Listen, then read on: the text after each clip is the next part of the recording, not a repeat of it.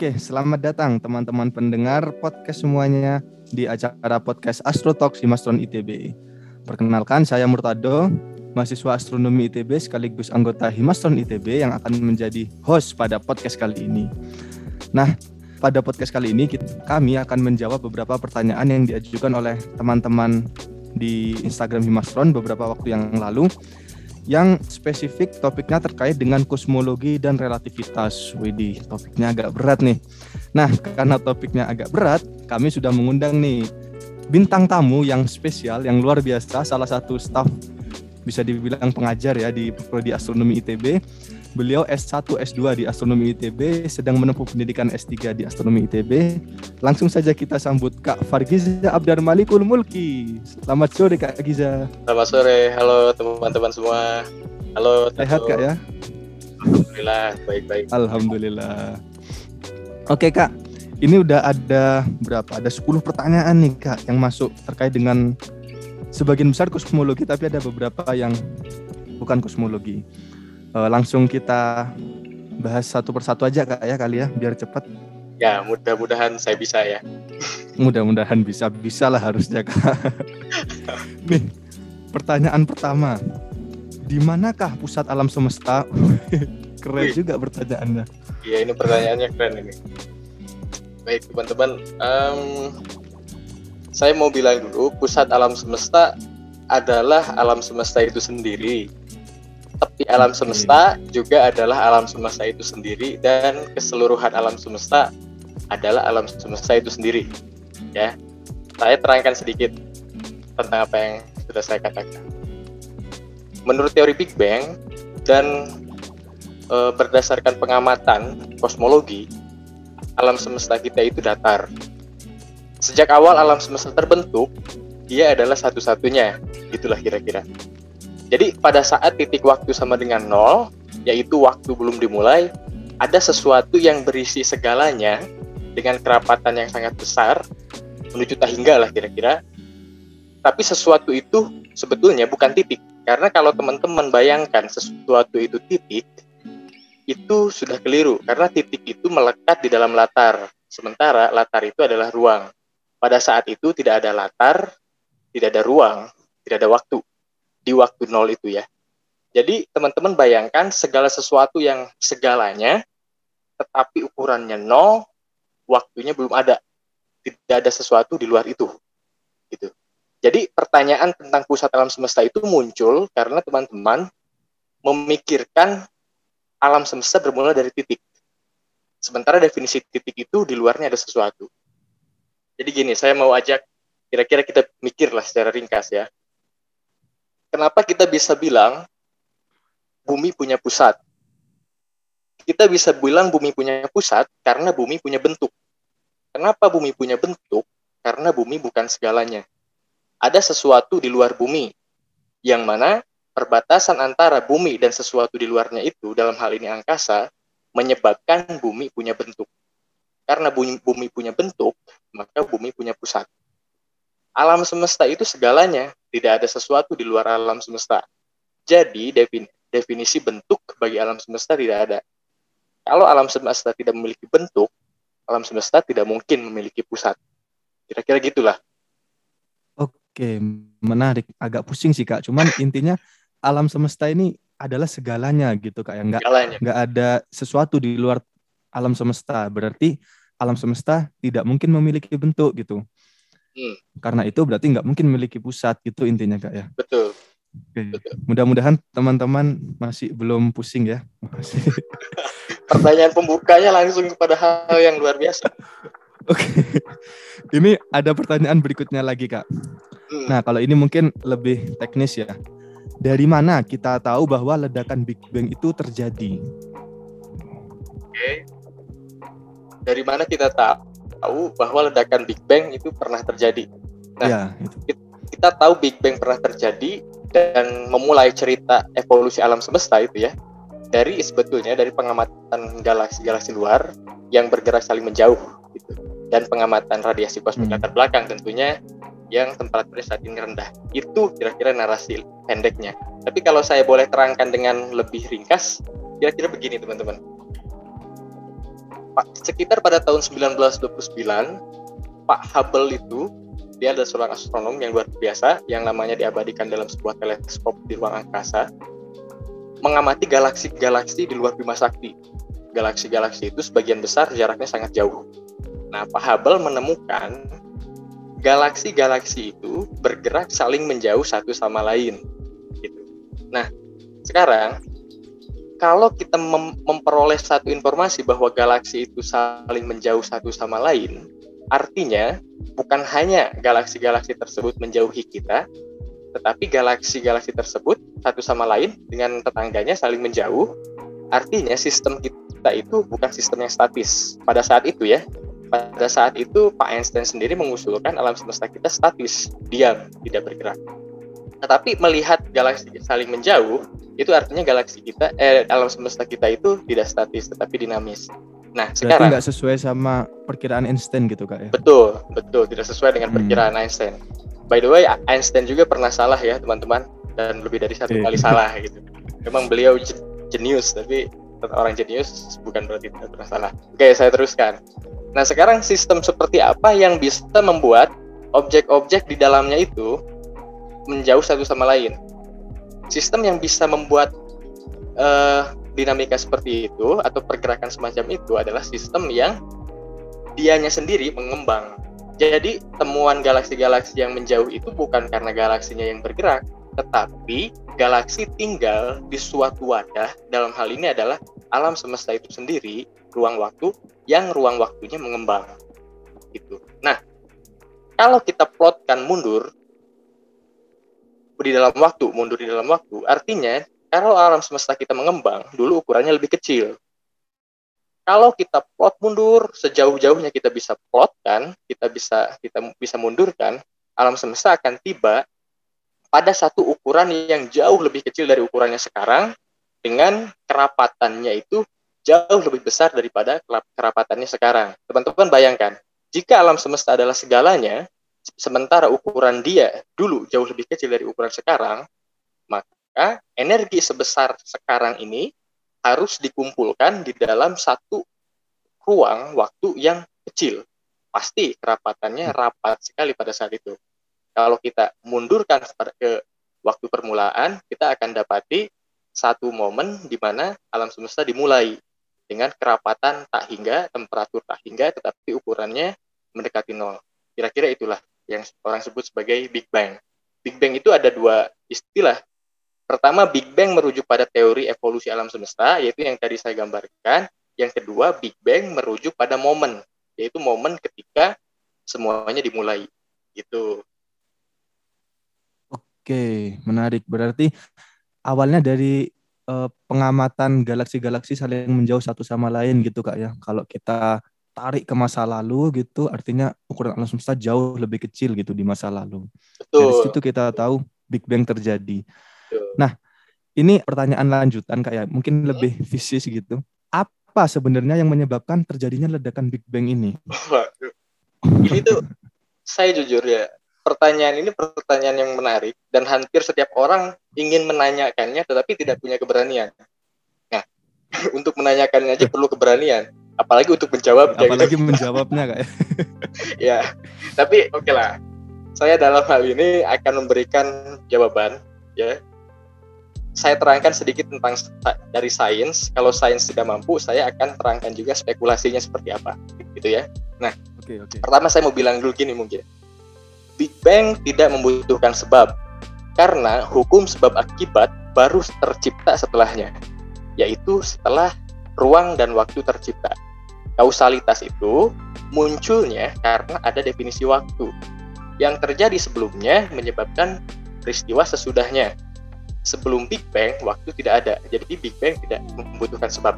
Oke, itu versi Oke, singkatnya ya. Hmm? Waktu itu dimulai pada saat Big Bang gitu kan? Waktu itu dimulai pada Hmm. saat Big Bang gitu. Tapi Oh. saya dengan ada ada yang tidak dengan jawaban itu.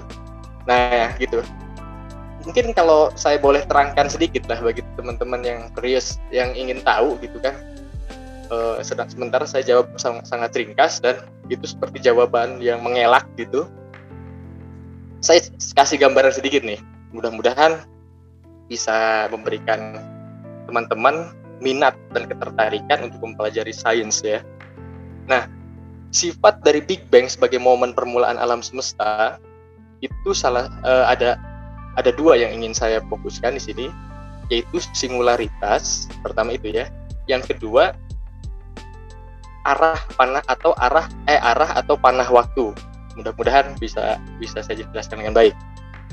Big Bang itu kayaknya nol, ukurannya nol, tetapi kerapatannya tak hingga. Oke, jadi gini, sesuatu itu kita nggak bisa sebut titik karena titik itu membutuhkan latar. Sesuatu itu membingungkan. Oleh sebab itu, fisikawan menamainya sebagai singularitas. Ya, supaya tidak terlalu bingung diberi nama singularitas. Nah, ada yang menarik juga. Pada saat itu waktu belum belum dimulai dan ketika bang baru timer dijalankan dan waktu arahnya hanya satu yaitu dari masa lalu ke masa depan ya jadi saya concernnya itu dua panah waktu dan singularitas nah sekarang gini ini, spekulasi ya. Ini spekulasi di dalam sains tetapi bukan spekulasi buta. Berbeda dengan sekadar pendapat yang dilontarkan tanpa tanggung jawab. Spekulasi ini muncul di kalangan sains dan ada tanggung jawabnya. Tanggung jawabnya tanggung jawab ilmiah lah tetapi sifatnya spekulatif. Saya saya terangkan sedikit gini teman-teman. Di alam semesta kita ini apa selain Big Bang dulu yang juga memiliki singularitas dan dia yang terkait dengan arah waktu yaitu lubang hitam hmm, ya di, di relativitas umum lubang hitam itu di pusatnya ada singularitas kan begitu ada satu yeah. kerapatan massa yang luar biasa besarnya di sana nah dan area di antara horizon lubang hitam, permukaan lubang hitam dengan pusat lubang hitam itu adalah area di mana kita belum tahu fisikanya seperti apa. Kira-kira mirip lah dengan kondisi awal alam semesta. Kan kita tidak tahu juga di area sekitar Big Bang itu seperti apa, gitu kan? Nah, jadi ini kita bayangkan misalkan saya saya orang hebat lah, aduh saya orang hebat, saya bisa terbang, saya bawa kamera ke pusat Bima Sakti Lalu dalam waktu yang lama saya rekam itu lubang hitam di pusat galaksi ketika memakan bintang-bintang dan materi di sekitarnya. Ya, saya saya rekam tuh ketika ketika bintang-bintang jatuh masuk ke dalam lubang hitam. Ya, di akresi. Lalu rekaman itu saya berikan ke teman-teman. Lalu saya katakan, apa yang kamu lihat? Mereka bilang, lubang hitam memakan bintang-bintang. Oke. Okay. Kemudian saya reverse videonya. Videonya saya reverse. Nah, ketika saya reverse, saya perlihatkan kembali apa yang kalian lihat. Materi bintang-bintang lahir dari singularitas. Oke, mudah-mudahan udah udah kelihatan ya. oh. ya. Udah kelihatan okay. ini ya, ya poinnya ya. Jadi, yeah, yeah. lubang hitam yang waktunya dibalik itu mirip dengan kejadian kelahiran alam semesta. Dan lubang hitam yang waktunya dibalik adalah lubang putih atau white hole gitu. Nah, jadi gini, kita tidak tahu apakah waktu itu mundur ketika kita masuk ke dalam lubang hitam kita nggak tahu yang jelas ketika masih di luar lubang hitam waktu itu berjalan ke masa depan gitu ya nah seandainya sekarang seandainya seandainya waktu itu berbalik ketika kita masuk ke lubang hitam yang jelas gini ketika misalkan Tado masuk ke lubang hitam ketika masuk ke permukaan hmm. persis ke permukaan waktu stop itu okay. yang kira-kira fisika tahu tetapi setelah itu kita nggak tahu. Andaikan, andaikan di dalam lubang hitam waktu itu berbalik, jadi waktu di dalam lubang hitam mulainya itu dari pusat lubang hitam, singularitas. Nah, misalkan kita bagi tugas deh. Saya di luar lubang hitam, ya, Tado ada di dalam lubang hitam. Gitu. Kalau misalkan di lah, saya bisa jawab, lubang hitam lahir karena bintang-bintang runtuh. Saya yang di luar lubang hitam bisa jawab seperti itu karena saya melihat memang seperti itu dari dari dunia saya. Tetapi kalau misalkan saya tanya, Tado bagaimana lubang hitam bermula? Tado nggak punya clue, nggak bisa jawab karena waktunya mundur. Waktu itu dimulai dari singularitas gitu ya. Justru saya tahunya bintang-bintang terlahir dari lubang hitam. Iya, gitu, gitu. gitu. Hmm. Justru bagi orang yang dalam lubang hitam, tahunya bintang-bintang terlahir dari lubang hitam karena waktunya mundur. Nah, ini kira-kira mirip dengan kondisi alam semesta.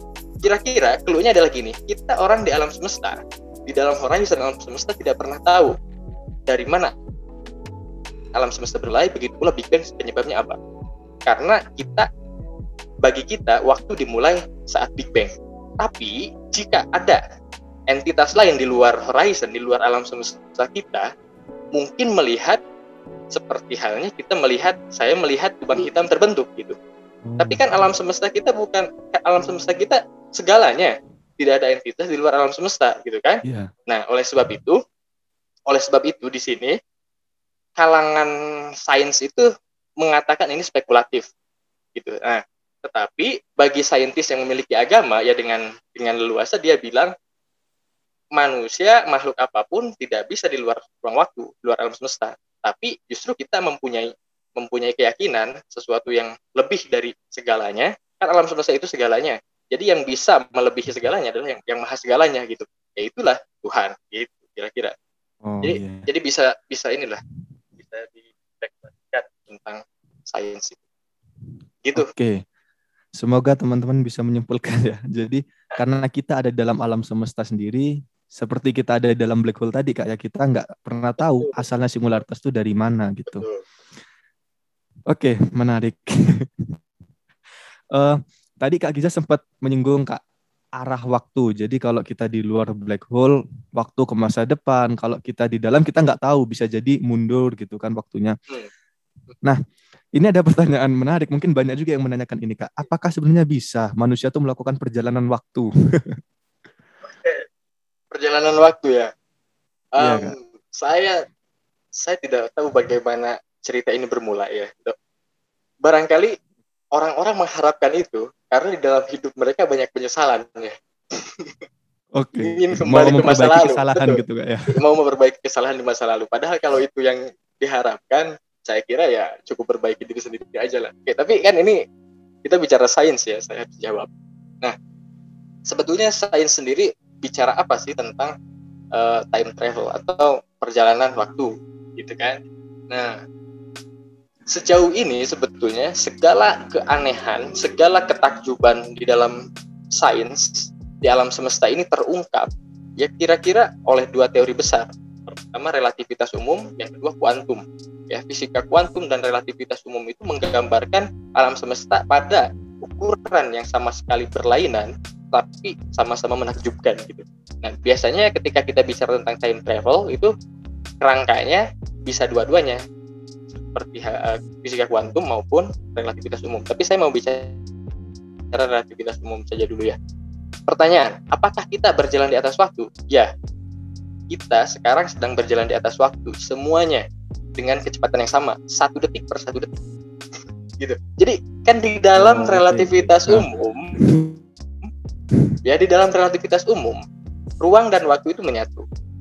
Ketika kita berjalan di dalam ruang, kita berjalan dalam waktu. Tetapi ketika kita diam di dalam ruang, kita pun masih berjalan di dalam waktu. Walaupun sifat waktu itu sangat unik. Sifat waktu itu sangat unik karena waktu itu beda dengan ruang. Kalau saya gerak ke kiri, saya bisa batalkan ke kanan di dalam ruang. Simetris. Tetapi di waktu, rasanya kok tidak simetris. Saya pergi ke masa depan terus satu detik per satu detik. Tetapi saya tidak bisa batalkan ke masa lalu gitu. Nah, jadi memang masa lalu itu menjadi paradoks ya. Nah, oke. Okay. Kemudian jika memang ada, kira-kira apa solusi apa matematikanya lah gitu ya. Ini spekulasi lagi. Tapi spekula bukan spekulasi yeah. buta. Ini spekulasi yang didasarkan pada hal yang bisa dipertanggungjawabkan gitu ya. Salah satu solusi dari persamaan eh salah satu solusi dari relativitas umum adalah lubang cacing atau wormhole. Pernah dengar itu ya? Okay, nah, jadi lubang nah. cacing itu sebuah struktur lah, struktur tertentu yang menghubungkan dua titik terpisah di ruang waktu dan merupakan solusi matematis dari relativitas umum gitu. Ya, misalkan teman-teman bisa bayangkan lubang cacing ini sebagai sebuah terowongan yang menghubungkan dua titik yang berbeda di ruang waktu. Jadi secara prinsip ya, lubang cacing ini bisa menjadi jalan pintas kalau misalkan teman-teman atau kita ya ingin pergi ke dua peristiwa yang berbeda. Jalan pintas dong. Nah, jadi gini itu sepertinya yang ada di film Interstellar ya Nah, Oke. tapi gini, Sebentar Kak, mungkin biar biar lebih kebayang Mm-mm. maksudnya menghubungkan dua titik di ruang waktu artinya itu tentu ruang yang berbeda, posisi yang berbeda dan berarti waktu yang berbeda gitu kan. betul, betul, Masa yang berbeda gitu. betul. Du- menghubungkan dua peristiwa di ruang waktu itu menghi- eh, waktu yang berbeda dan ruang yang berbeda.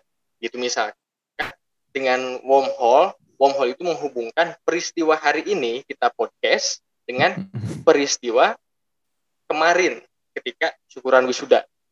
Oke. tempat dan ruangnya berbeda gitu. Nah, tapi ada ada ada persoalannya begini. nih. Wormhole yang ditemukan di alam pertama itu susah, tetapi ada yang berspekulasi jika dulu ketika alam semesta dini itu ada yang namanya defeksi topologi. Defeksi topologi itu semacam kerusakan ruang waktu, keretakan ruang waktu akibat dari penurunan temperatur alam semesta secara drastis. Seperti halnya ketika air kita masukkan ke dalam freezer kemudian berubah e, menjadi es itu kan temperaturnya menurun. Permukaan air yang tadinya datar akan menjadi ada benjolan-benjolan. Alam semesta kita Oh. di, di, dipandangnya seperti itu. Ketika dulu sangat panas lalu kemudian menurun secara tiba-tiba akibat inflasi pengembangan yang sangat-sangat signifikan ada transisi fase dari yang sangat panas ke yang dingin menyebabkan struktur ruang waktu itu rusak. Ini disebutnya sebagai defeksi. Nah, defeksi topologi yang banyak di alam semesta, kalau memang itu dihasilkan, bisa menjadi eh, clue tentang keberadaan lubang, lubang cacing. Tapi masalahnya, lubang cacing itu tidak siap untuk jadi mesin waktu. Jadi, lubang cacing itu kan menghubungkan dua peristiwa. Artinya menghubungkan ruang dan waktu ke ruang yang dan waktu yang lain. Sementara mesin waktu itu hanya fokusnya menghubungkan waktu saja. Jadi itu perlu dikonvert. Kalau misalkan Oh. kita punya wormhole, itu perlu dikonvert supaya bisa menjadi mesin waktu saja, bukan mesin ruang.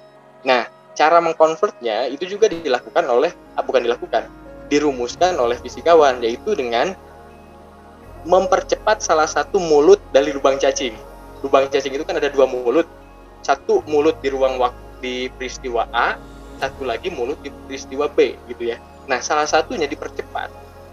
Kalau salah satunya dipercepat itu bisa mem- meminimalisasi efek eh, eh, apa namanya? efek perpindahan ruangnya sehingga terfokus pada waktunya saja. Nah, kalau begitu menjadi mesin waktu. Cuman tantangannya begini misalkan ya. Saya saya saya bikin wormhole, saya kasihkan ke Tado.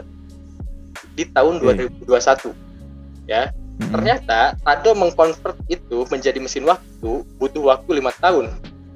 Selesai tahun 2026 26. di tahun 2026 itu ada mesin waktu wormhole buatan Tado. Misalkan dibiarkan aja sampai tahun 2030 nah di 2030 Tado itu ingin kembali ke masa lalu dia bisa mengakses kapan pun secara secara teori dan spekulatif ya. Ini berdasarkan wormhole tetapi tidak bisa ke sebelum tahun 2026 karena logikanya sebelum tahun 2026 tidak akan tidak pernah ada mesin waktu itu gitu. Oh, oke. Nah itu oke. lubang cacing Eh, mesin waktu lubang cacing gitu ya. Tapi itu spekulatif teman-teman saya tanyakan. Tapi spek- bukan spekulatif buta spekulatif yang didasarkan pada eh, pengembangan teori lah. Lalu ada lagi satu lagi ini saya mau cerita nih. Ini silin- silinder Tipler namanya. Silinder Tipler itu juga solusi matematis ya dari persamaan medan Einstein. Yang mana gini lah konsepnya. Kalau misalkan kita mau bikin bikin mesin waktu kita bikin silinder yang panjangnya itu hingga nah ini udah kelihatan aroma aroma ketidakmungkinan panjangnya itu tak hingga Oke. diputar secepat-cepatnya. Kalau begitu nanti ruang waktu di sekitar di, di sekitar permukaan silinder itu akan mengalami frame dragging. Frame dragging itu tertarik dan eh, apa ya tar, ruang waktu itu tertarik tertarik ter seperti teman-teman kalau ngadon kalau ngaduk adonan kue lah ya ada ada ada Hmm. ada tarikan gitu ya. Nah, nanti ruang waktu kita yang datar di area dekat silinder itu menjadi berkurvatur tertutup. Karena ada frame dragging secara terus-menerus. Kalau kita masuk ke sana, itu nanti kita akan uh, menuju ke waktu tertentu katanya begitu ya tapi saya mau komentar begini Stephen uh, Hawking pernah bilang kalau misalkan kita bisa pergi ke masa lalu mestinya saat ini kita sudah diinvasi oleh orang-orang dari masa depan karena sama saja kalau kita bisa pergi ke masa lalu Artinya manusia masa depan lebih bisa lagi untuk pergi ke masa sekarang. Tapi faktanya di masa sekarang tidak ada orang-orang yang berasal dari masa depan. Berarti kita nggak tidak bisa pergi ke masa lalu, gitu. Hmm. Kalau ke masa depan gimana? Masa depan lebih rumit lagi. Masa lalu itu rekaman, semua telah terjadi. Masa lalu kita itu definite, masa depan kita probabilistik. Masa lalu itu pasti sudah terjadi, peristiwanya jelas. Masa depan kita itu masih bersifat peluang dalam dalam dalam merealisasikan keinginan kita tentang adanya mesin waktu yang bisa pergi ke masa lalu maupun masa depan itu ada benturan-benturan fisik teman-teman. Jadi yang tadi saya gambarkan itu adalah spekulasi matematika ya walaupun masih solusi dari relativitas umum gitu. Tapi itu sifatnya spekulatif karena ketika dihadapkan pada uh, fisika ada berbenturan, ada benturan. Contoh misalkan, kalau kita mau pergi ke masa lalu, ada kemungkinan kita melanggar atau membantah hukum kausalitas. Nah, situasi ini digambarkan oleh sesuatu yang bernama para, uh, grandfather paradox ya. Jadi kalau misalkan oh, okay, okay. grandfather paradox itu misalkan Tado pergi ke masa lalu menemui kakeknya sebelum ayahnya dilahirkan.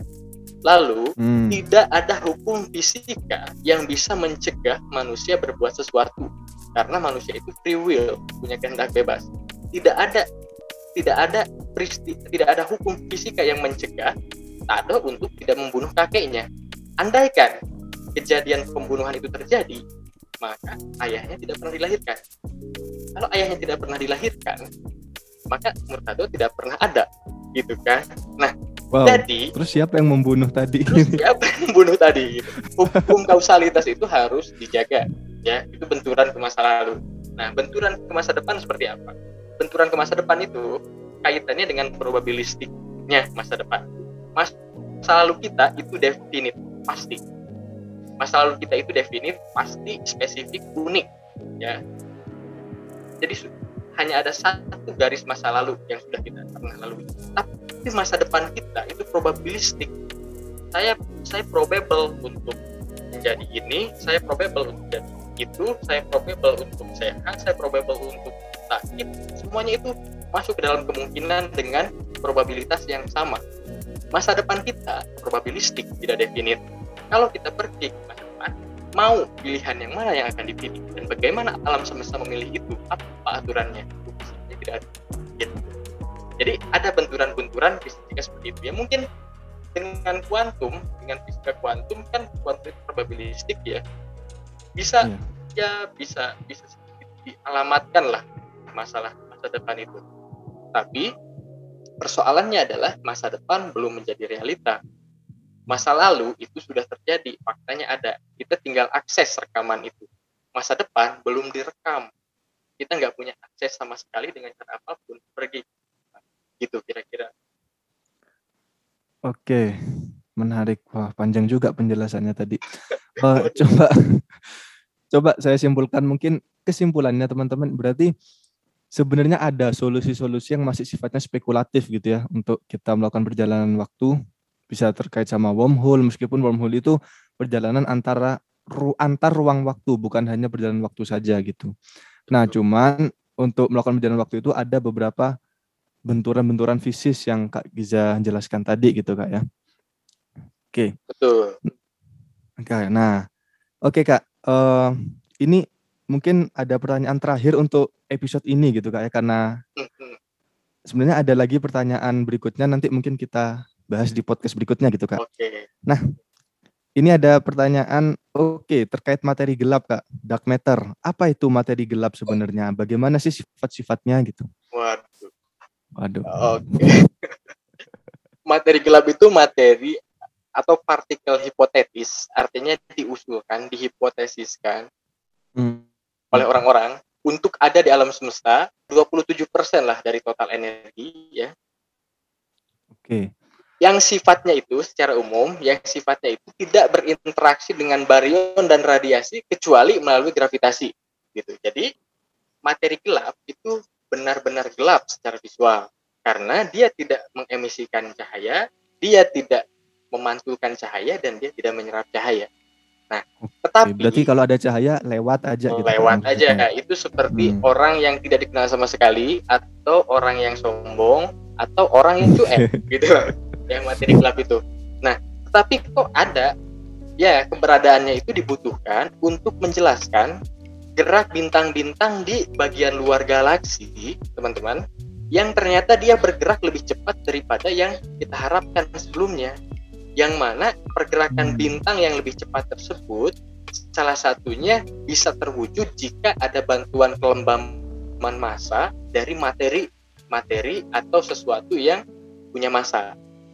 Masalahnya ketika diintip dengan teleskop pada panjang gelombang apa pun ke daerah luar tersebut tidak ada kelembaman uh, masa yang tidak terlihat masa yang menyumbang kelembaman tersebut. Gelap saja kelihatannya gitu pada panjang gelombang jendela elektromagnetik mana pun. Jadi kita sebut uh, sum kontributor kelembaman massa di galaksi utamanya galaksi spiral tersebut dengan nama dark matter atau materi gelap pada skala galaksi seperti itu. Nah, pada skala gugus juga sama ya dengan dengan lensa gravitasi misalkan eh, kemudian uh, macam-macam. Dan pada skala alam semesta perlu banget alam semesta kita ada materi gelap. Karena gini, kalau alam semesta tidak memiliki materi gelap, per hari ini umur alam semesta sekitar 13,7 miliar tahun. Alam semesta belum inhomogen, se-inhomogen saat ini mungkin belum seramai saat ini. Mungkin alam semesta belum jadi. Mungkin alam semesta ya masih seperti lautan hidrogen yang cuma belum, ada belum, belum ada galaksi yang terbentuk gitu ya. Belum ada galaksi. Kita perlu kita perlu Sifat-sifatnya bagaimana? Ini sifat-sifatnya dari skala alam semesta, teman-teman. Sifatnya itu pertama ada yang namanya uh, cold dark matter. Cold dark matter itu materi gelap yang kecepatannya lambat lah kira-kira ya. Kalau hmm. kalau misalkan kita sederhanakan, yang kecepatan partikelnya itu lambat. Kemudian hot dark matter yang kecepatan partikelnya itu cepat. Nah, yang warm dark matter yang di tengah-tengah. Gitu. Nah, sifatnya kalau materi gelapnya itu yang cold, dark cold dark matter, maka alam semesta kita tumbuh dari awal sampai sekarang dan dengan membentuk struktur-struktur yang kecil lebih dulu. Jadi bintang lebih dulu terbentuk daripada galaksi. Galaksi lebih dulu terbentuk daripada gugus galaksi. Intinya, sifat dari dark matter yang cold adalah membuat struktur itu, membuat alam semesta eh, dari kecil. Bintang dibuat lebih dulu, bintang dengan bintang membentuk galaksi, galaksi saling berkumpul membentuk gugus galaksi. Kalau yang hot kebalikannya, yang paling besar terbentuk lebih dulu, super gugus, super gugus galaksi. Lalu dia pecah menjadi galaksi-galaksi. Galaksi pecah menjadi bintang-bintang. Gitu. Nah, itu sifatnya. Kemudian si, kalau sifat dari segi partikel itu sifat dari segi alam semesta ya. Kalau sifat dari segi mikroskopiknya pertama mungkin dark matter itu atau materi gelap itu pertama benar-benar gelap. Dia tidak berinteraksi dengan cahaya melalui elektromagnetik. Ya, yang kedua, kayak gini, materi gelap itu sebagian bisa berinteraksi dengan sesamanya, teman-teman, melalui interaksi kuat namanya. Ya. Nah, kemudian saya jelaskan ringkas saja. Lalu materi gelap itu bisa jadi bukan partikel klasik, bisa jadi dia bukan bukan gas seperti yang kita bayangkan, tetapi mungkin dia adalah partikel kuantum yang kita tidak tahu. Dan satu lagi yang paling penting, bagian materi gelap di alam semesta tidak ada contohnya di bumi. Artinya bukan tersusun dari atom-atom seperti kita, seperti meja, seperti bintang, seperti galaksi. Materi-materi yang tidak ada contohnya di bumi, yang tidak tersusun dari atom-atom yang kita kenal, itu disebut sebagai non-baryonic matter, atau materi non-baryonic. Itu yang membuat materi gelap eksotis. Kira-kira gitu. Oke, berarti menarik sih Kak. Berarti sampai uh, sekarang apa belum ada yang bisa mendeteksi materi gelap secara langsung gitu kak? Atau bagaimana? Materi gelap secara langsung itu dulu pernah diklaim pernah dideteksi oleh satu kelompok ilmuwan di luar negeri yang kelompok itu diberi nama Dama ya. Nah, hmm. mereka mengklaim telah mendeteksi secara langsung materi gelap, mendeteksi secara langsung materi gelap dengan instrumen, perangkat instrumen yang mereka buat di bumi. Nah, tetapi persoalannya adalah ketika kelompok lain berusaha untuk mereplikasi dibuat misalkan dibuat alat yang sama dengan temperatur yang sama kondisi laboratorium yang sama kelompok lain tidak menemukannya jadi itu masih kontroversial hingga saat ini hmm. nah sejauh ini kita tahu materi gelap itu ada di alam semesta melalui pengamatan tidak langsung di sinilah pengamatan pengamatan astronomi seperti mengamati kinematika atau gerak bintang mengelilingi pusat galaksi itu menjadi sangat penting dalam memberikan clue bagaimana materi gelap itu. Bahasa simpelnya mungkin dilihat gravitasinya gitu kak ya, dari gravitasi. Betul, dilihat gravitasinya. Oke, menarik. Uh, ada beberapa pertanyaan lagi Kak Giza, cuman mungkin kita bahas di podcast berikutnya aja ya. Untuk podcast okay. yang sekarang mungkin cukup sampai sini. Uh, yeah. Terima kasih kepada teman-teman yang sudah input pertanyaan, yang sudah mendengarkan juga podcast ini, dan terima kasih juga kepada Kak Giza yang sudah menjawab dengan wow amazing gitu tadi ya jawabannya. Terima kasih. Mudah-mudahan uh, teman-teman semakin tertarik lagi untuk belajar lebih jauh tentang alam semesta gitu. Mungkin demikian kalau ada sesuatu yang kurang kami mohon maaf. Terima kasih. Sampai jumpa di podcast berikutnya. Sampai jumpa.